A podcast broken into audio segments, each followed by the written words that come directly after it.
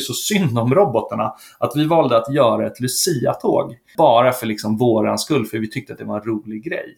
Eh, Den du har pratat är Nicolas Fernholm. Han kommer idag prata om förändring och då framförallt när vi har att göra med teknikförändringar. Robotar, AI och allting annat som påverkar oss projektledare i vår vardag. Som vanligt så är vi sponsrade av Moveria, där om du ska flytta så kan du gå in där och hitta checklister och annat. Även Förrådsguiden har valt att sponsra oss även den här gången. Där kan du gå in och läsa om vad det finns för förråd och eh, till viss del också vilka priser det finns på förråd i Sverige och så. Gå gärna in på dem och stötta projektledarpodden på det sättet. Jag som har podden heter som vanligt Mattias Eibe och nu kör vi! Du lyssnar på Projektledarpodden. En podd för dig som gillar att leda projekt och vill lära dig mer av andra om projektledning.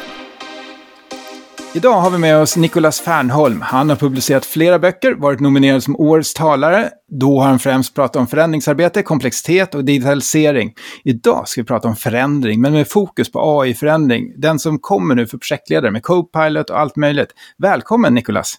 Tack Mattias, tack. Kan du börja berätta lite grann om din bakgrund? Hur började allt det Ja, alltså förändringsledning och att hantera sådana här stora revolutioner är, är någonting som jag eh, jag har blivit liksom passionerad i, i mina äldre dagar. Jag vet inte om man får säga så när man är 33, snart 34. Men eh, eh, när jag var yngre så tyckte jag att, att sådana här stora förändringar var superläskigt. Så jag, jag, jag, tyckte inte alls att det var någonting kul att jobba med. så. Eh, och det var väl främst för att när jag var yngre så skedde det liksom mycket stora förändringar i mitt liv som kändes ganska liksom obehagliga som, som ung person och som tonåring. Så, att, så när jag skulle välja vad jag skulle studera så ville jag, liksom, jag ville ju snarare ta kontroll över förändring. Jag ville känna att jag kan liksom kontrollera framtiden och världen. Lite så här, tonårskontrollbehov. Eh, så, så jag, jag, började studera ekonomi och logistik för jag kände att de ger en, liksom en ganska stor falsk trygghet i att framtiden går att kontrollera. För att om vi gör liksom en budget för nästa år eller vi sätter upp en process för en supply chain eller något sånt, då, då kan jag kontrollera det. Då kommer det ju funka precis så som jag säger att det ska funka. Så, så genom det så började jag jobba en hel del med, med mycket ny teknik på Nya Karolinska. Jag jobbade delvis med, med robotar där som, som kör runt och hämtar och lämnar material. Och där liksom fick jag min, min första kontakt lite grann med en, en mycket mer luddig och klibbig verklighet som inte liksom fungerar så... Alltså mitt kontrollerande perspektiv kunde liksom inte hantera till exempel liksom kultur och ledarskap och eh, att få människor att vilja samarbeta med robotar. Det är liksom inte någonting som du riktigt kan sätta upp en processkartläggning för. Hur påverkar det här din syn på förändring och på robotar? Ja, men alltså um, där och då så, så liksom hela min verklighetsuppfattning var tvungen att förändras. För att jag kände liksom att världen gick att kontrollera. Alltså det är väl typiskt där, alltså ung student som kommer ut i världen och tror att världen ska fungera som våra teorier säger, liksom, och våra matematiska liksom, modeller. Eh, och sen så när man får kontakt med verkligheten så märker man att det är mycket, mycket mer komplext än så. Ehm, så till exempel en av de sakerna som, som skedde var ju att eh, eh, kulturen på, på sjukhuset ville inte liksom samarbeta med robotarna. alltså folk kände att de var i vägen, de tog upp delar i min korridor, de använde mina hissar. Så det blev liksom en, en typ av konflikt mellan liksom robotarna och kulturen. Och i det läget så tänkte jag att nej men det här ska jag lösa precis som jag löser tekniska och processproblem och liksom så. Så jag satte upp liksom datapunkter och jag kollade upp vad var det som hände i de här tillfällena när det blev konflikter och jag försökte liksom bevisa för dem på något sätt. Bevisa för kulturen att robotarna gör nytta. Och hur jäkla bra gör det? Det är typ som att gå fram till en människa som man har en konflikt med och säga jag är en snäll människa. Så bara, det kommer inte göra någon skillnad liksom. Så. Där någonting som liksom skedde i det var ju att um, att mitt, mitt kontrollerande perspektiv utav att jag försökte liksom uh, reducera den här komplexiteten så att jag kunde kontrollera den. Det gjorde faktiskt problemet värre. Uh, så, att, så att i slutändan så var vi faktiskt ganska nära på att behöva stänga av hela robotiseringsprojektet på Nya Karolinska för att kulturen inte ville samarbeta med robotar. Och jag liksom hjälpte inte det, den situationen, för jag bara gjorde det värre och värre för att jag typ, ja men de skyllde på robotarna ibland när material försvann och då bevisade jag för dem och stod liksom på möte och bara det var ditt fel. Jag, jag sa, jag har kameraövervakning på att det var din personal som satte vagnen på fel ställe. Det var inte robotarnas fel. Och, bara, och i det så tänkte jag att bra, nu kommer de att tycka om robotarna mer. Typ så, här. så det gick ju käpprätt åt helvete. Så att, eh, men i, i slutändan så, sättet vi liksom lyckades lösa det här var genom en slump. Och det var att Eh, jag och mina kollegor, vi tyckte så synd om robotarna att vi valde att göra ett Lucia-tåg. Bara för liksom våran skull, för vi tyckte att det var en rolig grej. Eh, så vi pimpade ut liksom en, en av robotarna som Lucia och sen så en massa en, eh, stjärngossar som åkte bakom och filmade det här och la upp det på liksom LinkedIn. Och det blev ju viralt där. Folk tyckte det var jätteroligt och vi fick en massa positiv respons helt plötsligt. Ehm, och där så märkte vi det att, men vänta ett tag nu, nu får vi helt plötsligt en positiv kulturell liksom, reaktion på de här robotarna. Det är ju precis det här som vi vill ha. Så vi, vi, vi testar, vi gör ett experiment. Vi gör liksom ett tomtetåg på robot, med robotarna på sjukhuset. Och vi bjuder in sjukvårdspersonalen, vi åker upp till alla barnavdelningarna där de här sjuka barnen finns och deras föräldrar och vi delar ut presenter och paket och någon klär ut sig till tomten. och Sådär. Och det här blev ju en dundersuccé på sjukhuset. De gör ju det fortfarande än idag och det här var liksom snart tio år sedan. Eh, och det har blivit liksom en, en, tradition. Och vad jag kunde se, och det sjuka med det här, var att jag kunde se i statistiken över så här, hur många personer som sparkar på roboten eller går för nära. Det, det är oftast det att så här, det, det, sker ganska ofta att man gör det för att man känner en irritation eller att så här, jag, kan, jag kan ta en sväng snabbare om jag bara sparkar till den, för då stannar den. Och vad jag kunde se var att så här, veckorna efter att vi gjorde det här tomtetåget så försvann en tredjedel av de här sparkarna. Och inte bara det, utan de här liksom tillfällena då folk skyllde på robotarna. Helt plötsligt så var det inte längre så som vi agerade, utan helt plötsligt så fanns det ett samarbete för att kulturen insåg att robotarna är där för samma syfte som jag är. Robotarna är där för patienterna. Um, och det här liksom var så här, helt plötsligt insåg jag det att men det här är ju ett experiment. Det är ju så här vi ska agera när vi står inför komplexa problem. Vi ska inte göra långsiktiga perfekta planer med massa KPIer där liksom vi egentligen inte kan göra det för att vi kan inte förstå sådana här komplexa problem utan vi måste experimentera. Och det var där som jag liksom blev jätte, jätteintresserad utav förändringsledning och att hantera liksom sådana här digitala transformationer och eh, krishantering också är ungefär samma sak. Och krishanteringen, du var ju med om coronapandemin där. Kan du berätta lite grann om hur den förändringen och vad du lärde dig av det? Mm. Ehm, så liksom för att knyta, till, knyta an det till det här med robotarna var ju det att, så här, att, att få en kultur att samarbeta med teknik, det är någonting som är komplext. Du kan inte liksom lägga fram en perfekt plan för det liksom kontextbaserade eh, eh problemet. Det, det, du måste experimentera för att det finns för många interaktioner för att du ska kunna göra en långsiktig, liksom, korrekt plan. Eh, och det är exakt samma situation som man står inför när man står inför en kris. Eh, så du står inför ett läge där du vet inte allting som sker. Det finns för många interaktioner som sker runt omkring dig. Du har inte tid nog att kunna analysera de alla interaktionerna för att kunna göra ett korrekt beslut. Så du måste kunna ta ett beslut med ofullständig information och sättet vi gör det på bästa sätt är genom, återigen, att experimentera. Vi måste göra flera olika beslut samtidigt och många utav dem kommer att vara inkorrekta. Men en eller två eller tre utav dem kommer vara korrekta. Och det är så vi liksom söker sanning i en situation där vi inte kan skapa en liksom långsiktig plan. Jag vet att du har eh, någonting med en VVS-tekniker eh, som hjälpte med munskydd eller liknande. Ja, och det, och det är jättebra exempel på, på eh, hur vi kan liksom göra experiment när vi inte vet vilket svar är, eller vilket korrekt, korrekta svaret är. Så vad som hände där var att medan vi försökte för jag, jag jobbade under covid-krisen delvis eh, som logistikchef för SLSO under uppbyggnationen utav Älvsjö pandemisjukhus. Och sen så jobbade jag även som en av projektledarna eh, på Command Center som köpte in den absoluta majoriteten utav all skyddsutrustning under covid-krisen. Och medan jag jobbade på, på Command Center så fanns det en VVS-tekniker som jobbade på sjukhuset. Och han höll på att byta ut eh, luftfiltrerna på sjukhuset. Och det här är liksom en gånger en meter stora luftfilter. Och medan han höll på att byta ut det här luftfiltret så tänkte han, men det här är ett luftfilter som filtrerar luften i våra lokaler. Skulle inte, skulle inte det här också kunna filtrera luften på, på ett andningsskydd?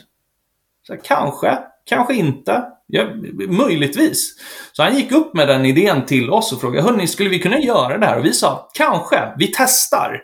Precis som liksom så här, vi testar ett tomtetåg. Så bara, ja, men vi testar det här, liksom, se om det funkar. Vi experimenterar, så vi ringde till, till Camfil som producerar de här luftfiltrerna och de, vad de sa när man ringde dem var att de redan hade tänkt på det här och försökte liksom så här, sa att så här, jättebra, kan vi ta fram en prototyp tillsammans? Så, så vi gjorde det. På två veckor så fanns det en fungerande prototyp som klarade samma säkerhetsklassning eh, enligt RISE-tester som FFP2-skydd. Det är den näst högsta säkerhetsklassningen. Inom en månad så hade vi en fungerande produktionsanläggning i Sverige för att producera svenska andningsskydd mitt under en pågående pandemi. Och liksom bara för att lägga det här i kontext så var de här andningsskydden värda sin vikt i silver på den tiden. Det här visar liksom på återigen hur vi, för, för att om vi då vid det läget hade stannat och bara okej, okay, låt oss lägga upp den perfekta planen innan vi börjar agera för det här.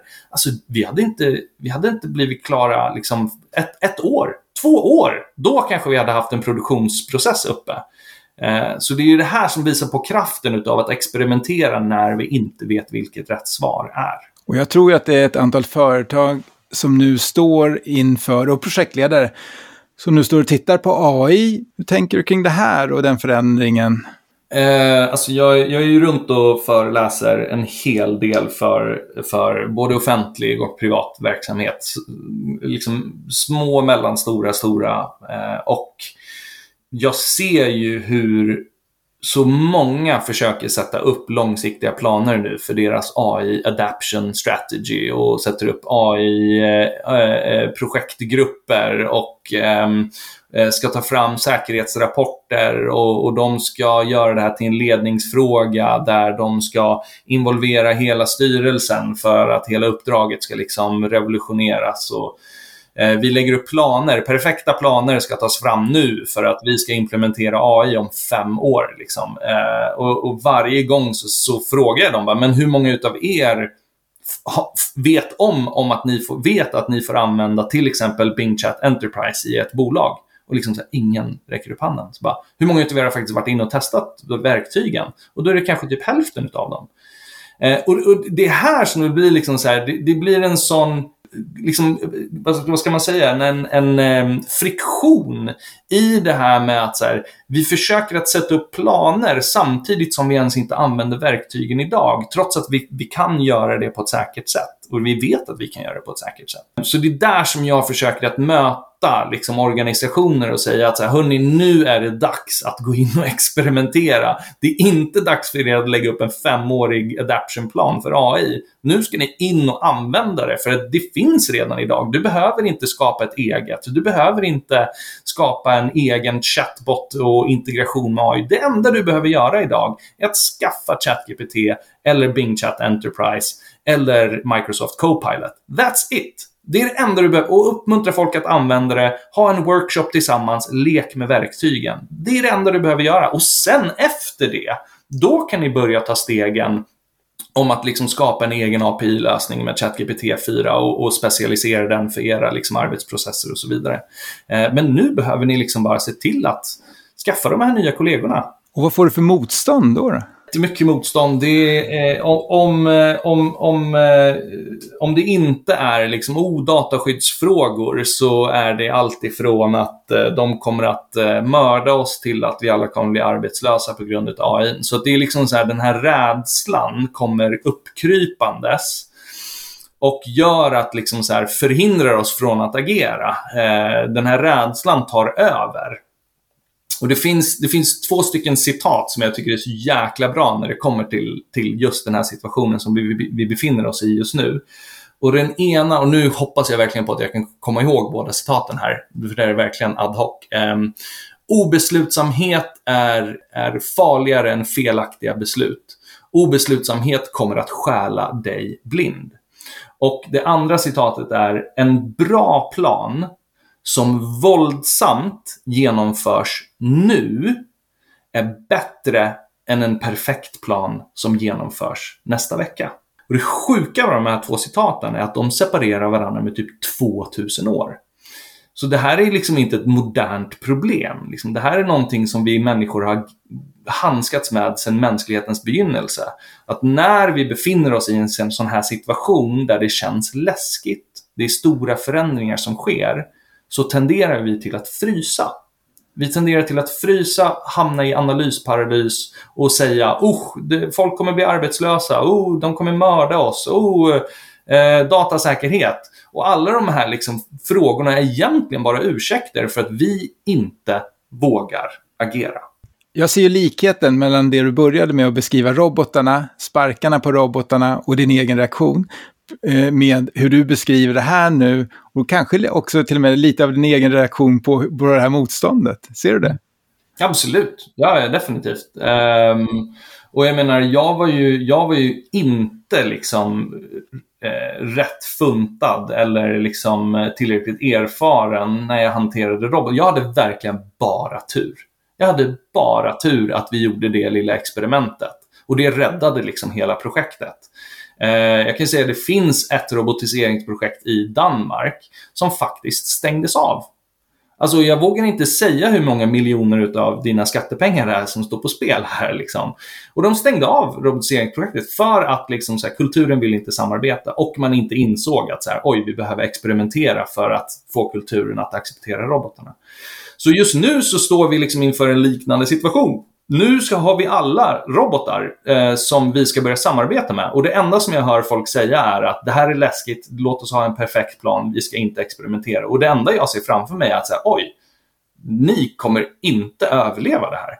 Eh, som organisationer. Alltså, ni, om, ni inte, om, om ni inte ser till att 80% av era anställda inom nästkommande tre månader använder ChatGPT, då är ni rökta. Liksom. Eh, för att, jag vet inte hur mycket liksom, folk är intresserade av statistik, men, men det finns ju lite studier som har kommit ut nu på eh, Microsoft Copilot. Eh, och bara för de som inte vet om det, vad Microsoft Microsofts Copilot är för något, är att de har tagit, Microsoft har tagit ChatGPT 4 och sen så några andra AI också. De har specialiserat dem på att bli experter på Excel, Word, PowerPoint, Teams, Outlook, you name it. Alla, alla appar egentligen i liksom Microsofts ekosystem. Så att när, näst, när, när, om du skaffar ett sånt här Microsoft Copilot, vad det innebär är att om du öppnar upp en, en eh, fil, en Excel-fil med en massa ostrukturerad data. Vad du kommer ha då är att du kommer ha en liten textbox där uppe i högra hörnet där det står “Fråga mig vad som helst”. Och vad du kan skriva där är så här bara, analysera det här kvartalets data, ta fram grafer på de olika produkterna och sen så vill jag att du jämför det här kvartalet med föregående kvartalets data för att se liksom, vad, är, vad, är trend, vad är trenderna som har utvecklats. Och vad den kommer göra är att den gör hela den här analysen, skapar graferna, skapar P-analysen, skapar pivottabellerna åt dig på sekunder. Eh, det här kommer ju liksom, vad, vad, man har sett är att Eh, för specifika tasks så ökar effektiviteten med 30% när man använder de här. 30% Det är liksom en tredjedel av din, din eh, workload på en dag. Eh, man har även testat 750 BCG-konsulter, managementkonsulter, på så här, hur, hur, hur är er kvalitet när ni får specifika tasks. Och då testar man med eller utan de här co-pilots. Och vad man såg där var att kvaliteten ökade med 40% Så en projektledare då, både idag och imorgon. Imorgon har de tillgång till Copilot, idag inte. Vad ska man göra idag och vad ska man göra imorgon? Idag, det, mitt liksom absolut bästa tips eh, är att varje gång du går in och googlar någonting eller går in på en sökmotor och ska söka efter någonting, tänk skulle jag kunna prompta det här istället? Alltså skulle jag kunna fråga ChatGPT 3.5 eller 4 eller Bing Chat Enterprise det här istället? För att vi måste få in rutinen av att de här verktygen kan göra så mycket mer. För att till ett, ett jättebra exempel som jag var med om själv. Jag, eh, vi flyttade nyligen eh, och Eh, då, då skulle jag ta fred, ta för jag hade inte måttstocken. Så jag bara, ah, men, men hur, hur stor är den här soffan? Så jag var en sån här Söderhamn tresitssoffa från Ikea. Så jag var så här, okej, okay, men jag började googla det. För att, och varför jag ville veta det var för att jag ville se om jag kunde få plats med det i mitt bagageutrymme i min bil. Eh, så jag skulle googla liksom måttet på soffan. Och sen så bara, men vänta ett tag nu. Varför gör jag det här för? Det här är ju helt idiotiskt. Så, bara, så gick jag in på ChatGPT 4 istället. Och där ställde jag frågan. Får jag plats med en Söderhamn tresitssoffa i min Toyota Corolla Cross från 2022? Enter. Och vad den gjorde då var att den bara, ja men, eh, då tog den fram så här, måttet på Söderhamns eh, tresitssoffa är så här stor. Ditt bagageutrymme i din Toyota Corolla Cross är så här många liter. Om vi använder den här formen och tänker oss att utrymmet ser ut så här så kommer du mest troligt inte få plats med den. Eh, och den liksom gjorde det här kognitiva arbetet åt mig. Så alltså mitt absolut bästa tips är att så fort som du går in på Google och ska googla någonting, tänk, kan jag prompta det här istället? För vi måste liksom få in den, den rutinen eh, nu. Och när du säger prompta, beskriva det. Eh, så eh, prompta till skillnad ifrån, ifrån att eh, söka eh, är att du efterfrågar egentligen kognitiv belastning eller kognitivt arbete. Så det skulle kunna vara att söka också. Alltså du kan använda ChatGPT för att söka precis som du söker på på Google. Men, men den kan göra så mycket mer än att bara söka. Den kan göra beräkningar, den kan eh, programmera åt dig, den kan skapa bilder, den kan liksom göra arbete. Och för att efterfråga eh, eh, någon att göra arbete är ju att liksom jag promptar dig, jag vill ha det här ifrån dig. Eh, så det är därför man liksom använder det här andra ordet än att bara googla eller att söka. Eh, för det, det, det, är mycket mer än att bara söka. Det är att ehm, eh, be om någonting. Så. Och jag tycker man kan likna det vid att man pratar med en annan människa. Och det är en konversation också. Det är det som jag tycker är så jäkla häftigt också. Att så här, varje, varje, eh, varje prompt liksom, och om man kör i samma liksom, eh, chattfönster så är det ju en konversation. Så du kan ju referera till tidigare svar, du kan referera till ChatGPTs svar så att äh, men jag tycker att du var lite för tråkig där. Försök att vara lite mer rolig eller eh, eh, den här, ja men du använder för komplicerade ord, försök att dumma ner det lite grann. Eller, alltså, så här, så det, det, jag refererar ju till tidigare svar i konversationen och det här är ju någonting som vi har blivit skadade av med Google, för där finns det ju ingen liksom, tidslinje i liksom, din sök eh, din sökprocess. Liksom. Utan där är ju varje sökning en, en, individuell händelse. Här har vi ju liksom mycket mer möjlighet att kunna, kunna liksom väva in eh, ett mycket bättre svar i slutändan. Jag vet ju att du har skrivit en barnbok till och med, med om AI, eller med hjälp av AI snarare. Berätta. Ja, och det här var ju tidigare i, i, i liksom AI-vågen eh, som kom, när folk egentligen inte förstod eller visste vad, vad man kan göra. Eh, och där så delvis så ville jag liksom utmana vad folk trodde var möjligt med de här verktygen. Men sen så ville jag ju också liksom lära mig själv mer om hur, hur jag kan, kan ha en konversation med de här AI-erna. Så, så jag tog på mig att bli första svensken att skapa en, eh, en, en bok helt och hållet med AI. Eh, så det blev Trisse Traktor heter den boken som, som var först ut. Nu har det ju kommit många, många fler sådana här böcker som är helt skrivna av AI. Eh, vilket är jättekul att se. Ehm, eh, så ja, nej men, så det, det var ett eh, roligt projekt. Inte särskilt intressant läsning. Det är ju en barnbok trots allt, så det är för treåringar. Tittar man på den boken och den tid du antagligen fick lägga ner då, jag vet inte för hur länge sedan det var, och så jämför man med den tid du skulle vara tvungen att lägga ner idag. Kan du inte beskriva det lite grann och hur du skulle ha skapat upp den idag? Precis, så eh, i, när jag skapade den så hade jag ChatGPT 3 och eh, Dalle 2 som verktyg. Så att, att skapa manuset var inget större problem för att sådana här barnböcker har ju inte särskilt mycket text i sig. Eh, så, så där var det, jag behövde prompta fram och tillbaka lite, lite grann. Sådär. Men efter en 15-20 minuter så hade jag ett färdigt manus. Eh, sen så tog det ju mycket längre tid att skapa själva bilderna till, till eh, eh boken. Eh, säg att det kanske tog 12-14 timmar och sånt. Eh, och det är främst för att jag inte eh, ville använda några eh, copyrightade eh, ord.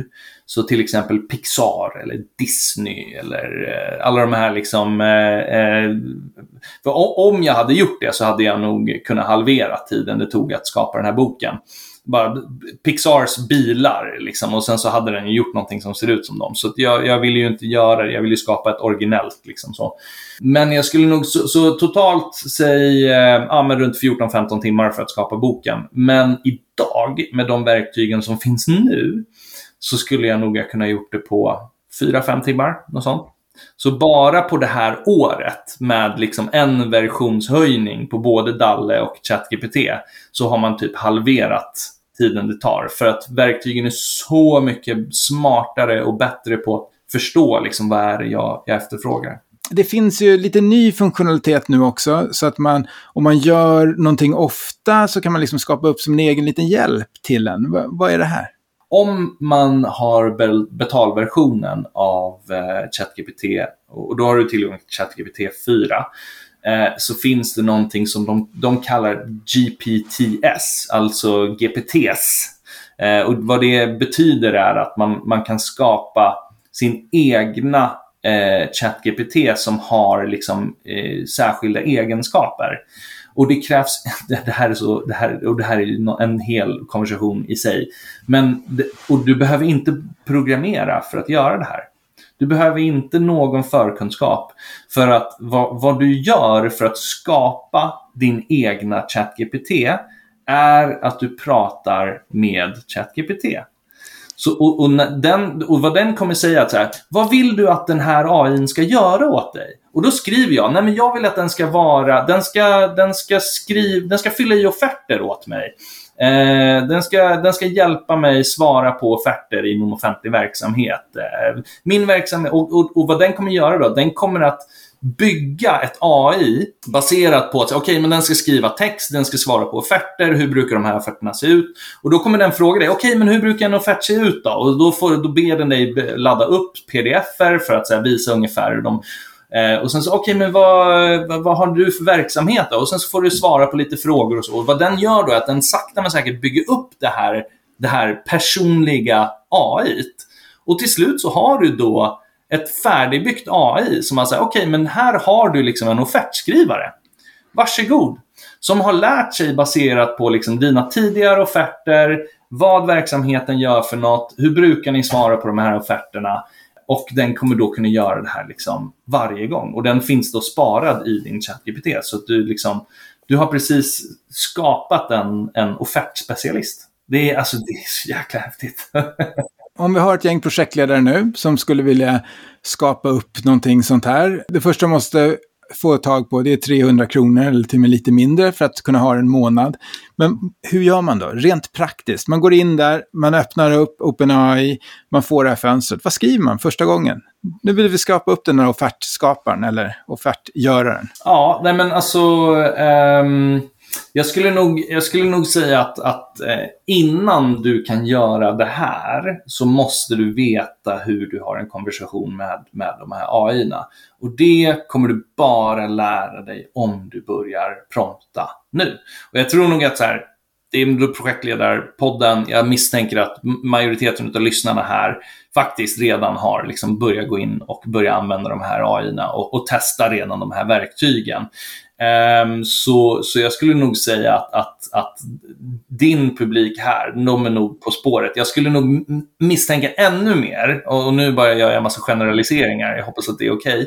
Men det är väl kanske snarare att få projektledarnas kunder och projektledarnas chefer att fatta att det här sker och vilken revolution det här är. Och kanske till och med få kunderna och cheferna att acceptera att det här sker. Snart, för jag misstänker, och jag, jag, det här är från min egna personliga erfarenhet med mina vänner, är att liksom, det finns många managementkonsulter där ute och projektledare som använder ChatGPT, men de får egentligen inte göra det. För att deras företag och deras chefer har ingen aning om vad som händer. Och de bara så här har satt, satt stopp för det. Och bara, nej, ni får inte använda det här. Vi är för rädda. Vi, vi tycker det här är läskigt. Medan så här, de här projektledarna som är skitsmarta, de vill ju, de vill göra det effektivaste sättet att arbeta. Såklart de kommer använda det ändå. Liksom. Så, så där skulle jag nog säga att så här, att ha den konversationen med era chefer och era kunder och bara så här, få dem att fatta att det här är inte läskigt, det här är inte farligt. Det här kommer göra allas liv så mycket bättre. Eh, och eh, tar jag på mig säljhatten, bjud in mig och så kan jag föreläsa för er, så bara få bort den här rädslan. Liksom. Det är det största hindret idag. Det är att folk är rädda. Och hur tar man bort den rädslan då? Delvis genom förståelse. Genom att liksom visa dem, att dema för dem, att eh, visa att det här är inte läskigt, det här är inte farligt. Um, det här är en co-pilot också, det här är inte en kapten. Så jag menar, vi ska fortfarande vara i kontroll och, och se till att det som kommer ut på andra ändan är rätt. Alltså jag, jag hade en work, höll i en workshop för några veckor sedan och då eh, så var själva övningen att eh, vi ska få AI att ljuga.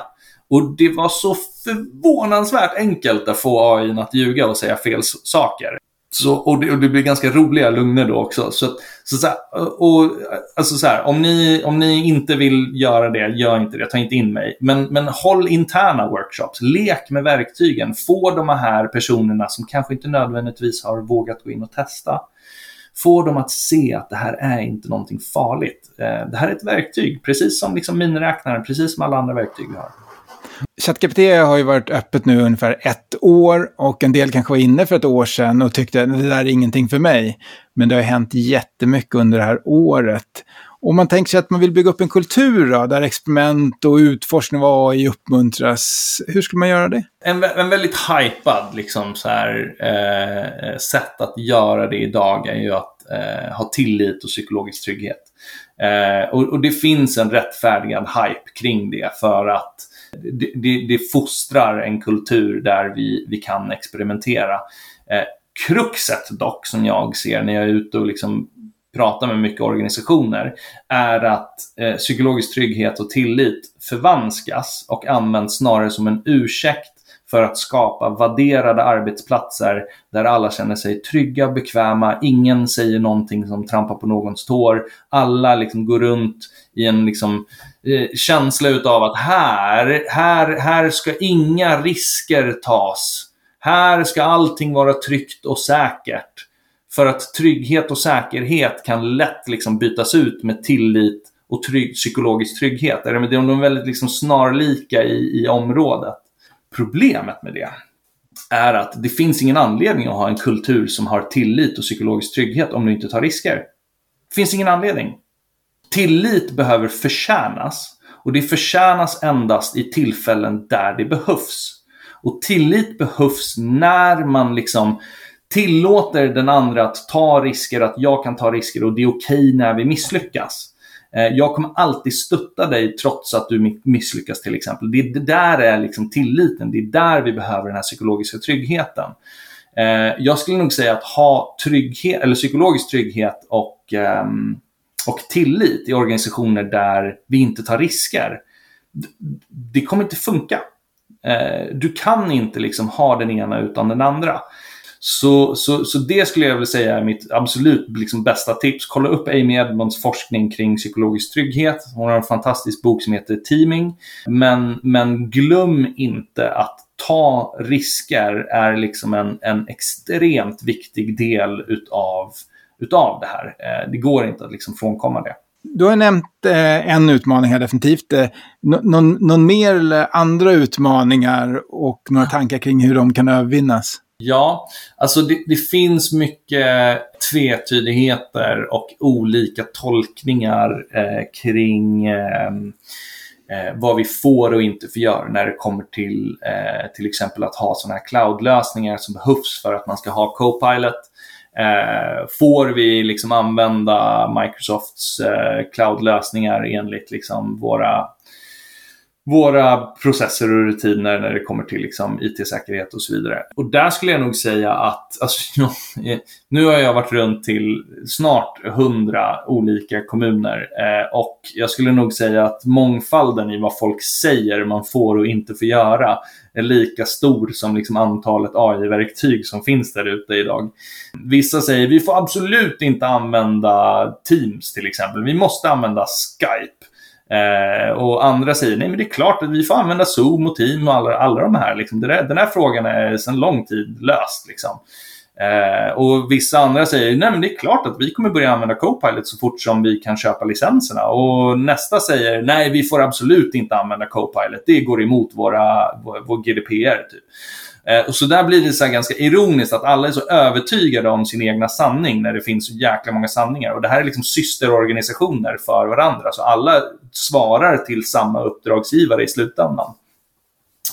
Så, så där skulle jag nog säga snarare att eh, ni måste verka, de organisationerna och så, de måste verkligen kolla på vilka policies har vi satt på oss själva som förhindrar oss från att agera. Det är liksom number one.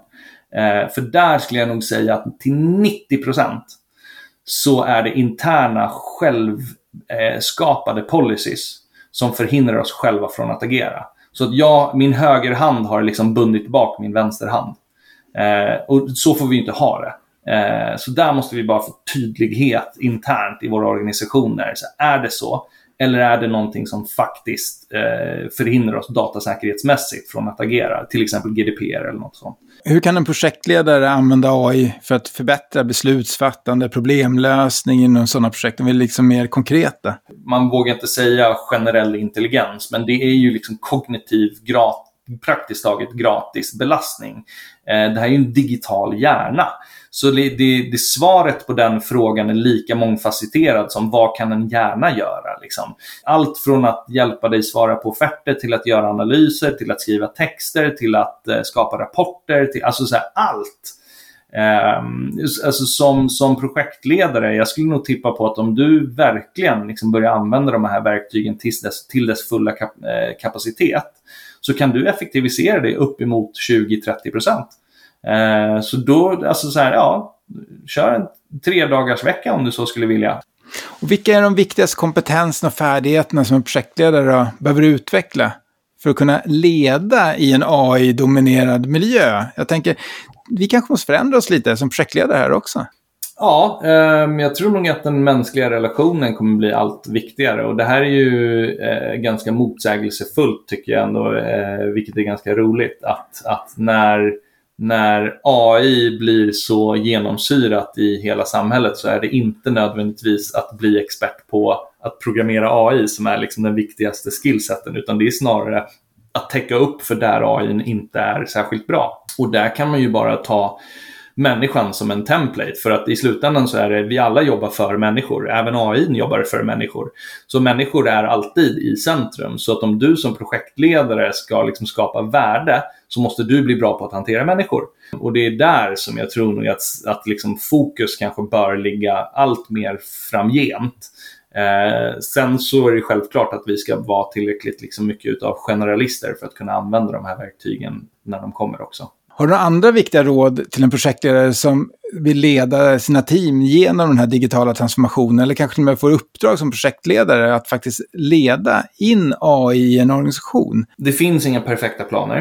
Eh, ni kommer misslyckas. Eh, det kommer kännas otryggt. Du kommer ha med, medarbetare som känner sig otrygga och det måste vara okej. Okay. Eh, det innebär att du inte ska ge dem falsk trygghet genom att ge dem en perfekt plan. Eller illusionen av en perfekt plan. Utan, utan snarare var i osäkerheten och säg, vi är just nu i ett tillfälle där vi inte vet vad rätt svar är. Låt oss testa oss fram och försök att göra det till en liksom så rolig process som möjligt. För att det här kan vara ganska kul. Man kan ha liksom en intern workshop och sitta i en halvdag och bara leka med de här verktygen och se vad man kan göra. Och om inget annat, om ni bara testar så här roliga grejer, vad ni har gjort där är att ni har skapat en positiv förankring kring de här verktygen. Och vad det kommer innebära är att folk inte kommer att sitta och fokusera på risker och farhågor och rädslor eh, under nästkommande veckor, utan de kommer snarare kanske fokusera på de positiva sakerna. Så där måste vi liksom tänka på att gör det här till en positiv upplevelse. Gör det också på ett sätt där du inte försöker ge dem falsk trygghet. Utan våga vara i den här, den här oförutsägbara situationen. Och du är inne på det att man måste våga begå misstag. Har du begått några misstag som någon annan projektledare kan lära sig av, som du skulle vilja dela med dig av? Ja, alltså den, den, den, största skulle jag vilja säga är just den här, eh, min, min, första respons när eh, kulturen inte ville samarbeta med robotarna. Att jag, att jag trodde att jag kunde kontrollera ett komplext problem med en plan och data och kopior. Och den bästa liknelsen som jag har här är att vi alla bör bli mer som förskolelärare. Så om vi föreställer oss en, en eh, dagis eller en förskola där det springer runt 20-30 små barn. Eh, inför den dagen, hur agerar vi? Eh, om vi projektledare eller ekonomer eller logistiker, vad vi gör då inför den här dagen är att vi lägger upp en plan. Vi, säger, vi försöker förstå alla barnen, vi tar fram så mycket data som möjligt, vi ser vad gillar Kalle, vad gillar Anna. Vi tar fram olika eh, eh, hur vi ska agera under dagen. Den här tiden ska vi göra det här, den här tiden ska vi göra det här. Vi skapar en process för alltihopa.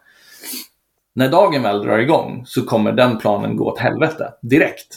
Alltså det tar två sekunder innan den planen går åt helvete. Eh, vad en förskolelärare gör, de gör ju inte det. De lägger upp en lösplan. En, en så här, det är hit vi ska vara. Alla barnen ska överleva den här dagen. Det är det som är liksom, målet är det. Och helst att ingen ska gå hem gråtande. Sådär. Vi, vi har ett tydligt mål sådär. Eh, Eh, och vi har en massa verktyg. Vi har målarfärg, vi har att vi kan gå ut och leka, vi har alla de här verktygen till vårt förfogande. Men vad vi gör då är att vi går in till de här 20-30 barnen och vi är närvarande. Vi lyssnar in. Vi hör. Hur är decibellen just nu? Behöver vi gå ut eller ska vi stanna inne? Hur är energinivån nu? Behöver de en fik? Behöver de inte det? Och då testar vi. Vi testar att ta fram målarblocken. Vad får vi för respons då? Och då tänker vi, nej, det, det, här behöver vi inte göra. Oj, vi behövde ju snarare gå ut. Ja, men då gör vi det. Vi går ut och testar det. Vi är jättenärvarande och testar olika hypoteser. Och det är det här som jag lärde mig från liksom mitt stora misstag. Att jag gick in med en plan med en perfekt plan och jag försökte utföra den planen och det gick åt skogen. Försök att vara närvarande istället. Lyssna in och experimentera. Det är så vi liksom bemöter sådana här komplexa situationer. Om man skulle vilja få kontakt med dig och eh, prata vidare, hur kan man göra då? Ehm, så jag är väldigt aktiv på LinkedIn, så om du lägger till mig där eller eh, hör av dig till mig där så kommer jag svara ganska snabbt. Ehm, även min mail, boka nikolasfanon.com eh, eller bara gå in på min hemsida nikolasfanon.com så kan du bara hojta till där så, så tar jag gärna en vidare konversation eller kommer förbi och, och snackar med dina kollegor och får dem att eh, fatta att nu, nu måste vi köra. Jag kommer att lägga det här i anteckningar till avsnittet så alla kan hitta det här. Idag har vi lyssnat på Nikolas. Han har berättat om oförutsägbarhet, hur vi kan bemöta det i en komplex och kaotisk värld och än mer när vi pratar om AI och vad kan det hända? För några år sedan så skrev han boken Handbok för oförutsägbarhet, hur du kan bemöta en komplex och kaotisk värld. Och det var innan AI, men det var det här med robotar. Och vi kan se väldigt mycket likheter i det här. Jag eh, tackar så mycket för att du kunde ta dig tiden att vara med. Mm, super, tack så mycket Mattias. Tack för att du har lyssnat på Projektledarpodden. Hör gärna av dig till oss med idéer, tips och förbättringsförslag. Det gör du enklast via mail på lyssnare projektledarpodden.se eller vid det sociala nätverk du föredrar.